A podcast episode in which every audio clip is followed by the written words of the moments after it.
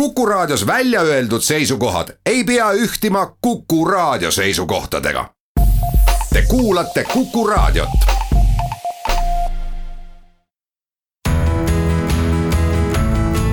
kuku Raadio nädala kommentaar. tere, olen Ardo Pajula ja minu tänane epistel kannab pealkirja Tiigi veerel ning see tõukub märksõnast valikuvabadus, mille seekord valis meile Indrek Lepik. tähenduse teejuhtide kolmekümne neljandas vestlusringis Hiiepo Ing ütles Soomes perearstina leiba teeniva Anna Luik tähelepanuväärsed sõnad.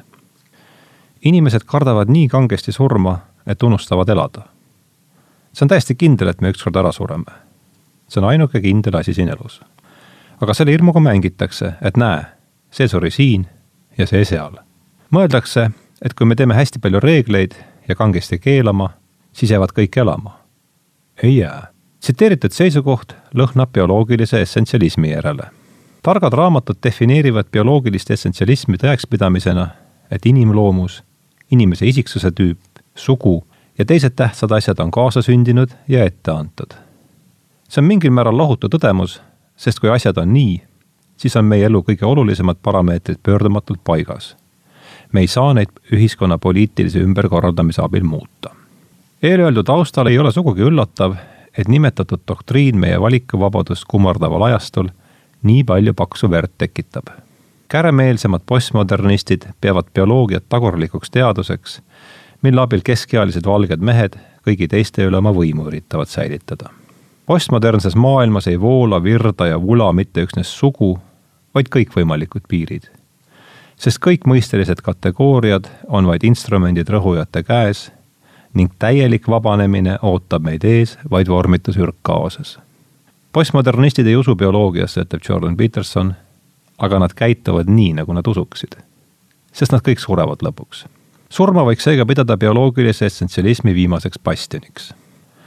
kui see on nii, siis pole imestada, et Don Quixotlikus sõjas surmaga on saanud lääne hoolekanderiigi suurim ristiretk ja selle tõenäolise huku üks kaalukamaid põhjuseid. Austria filosoof ja katoliku kiriku preester Ivan Illich kirjutab oma raamatus Meditsiini piirid.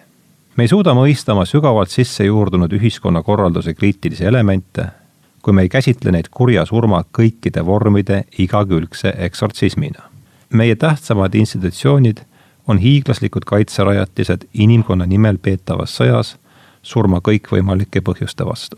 see on totaalne sõda totaalne sõda on teadagi kulukas.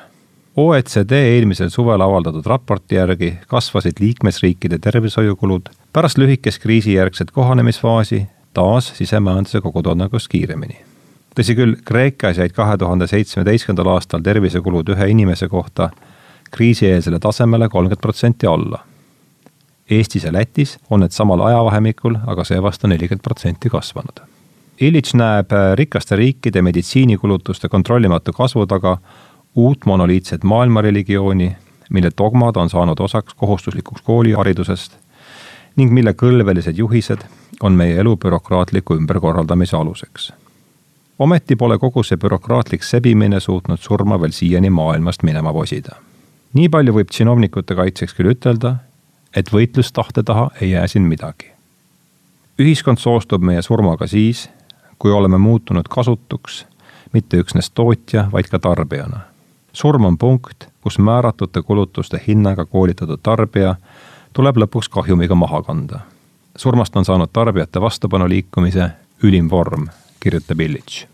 meie elukorralduse tulevik on seega orgaaniliselt seotud tolle uue monoliitse maailmareligiooniga, millele Illich eelpool viitas inimene ei saa enne vabaks, kui viimane kuningas on viimase preestri soolikatega üles poodud kuulutas nimetatud usundi üks vägevamaid prohveteid Denis Diderot suure Prantsuse revolutsiooni eelõhtul.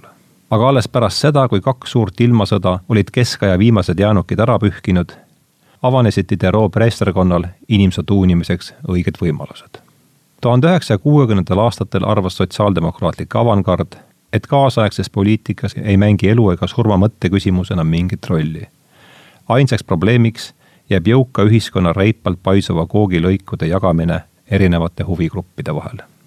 Roomas Brüsselisse kolinud rahvusülese heaolu kiriku ideoloogiliseks nurgakiviks sai kristlaseta katoliiklus.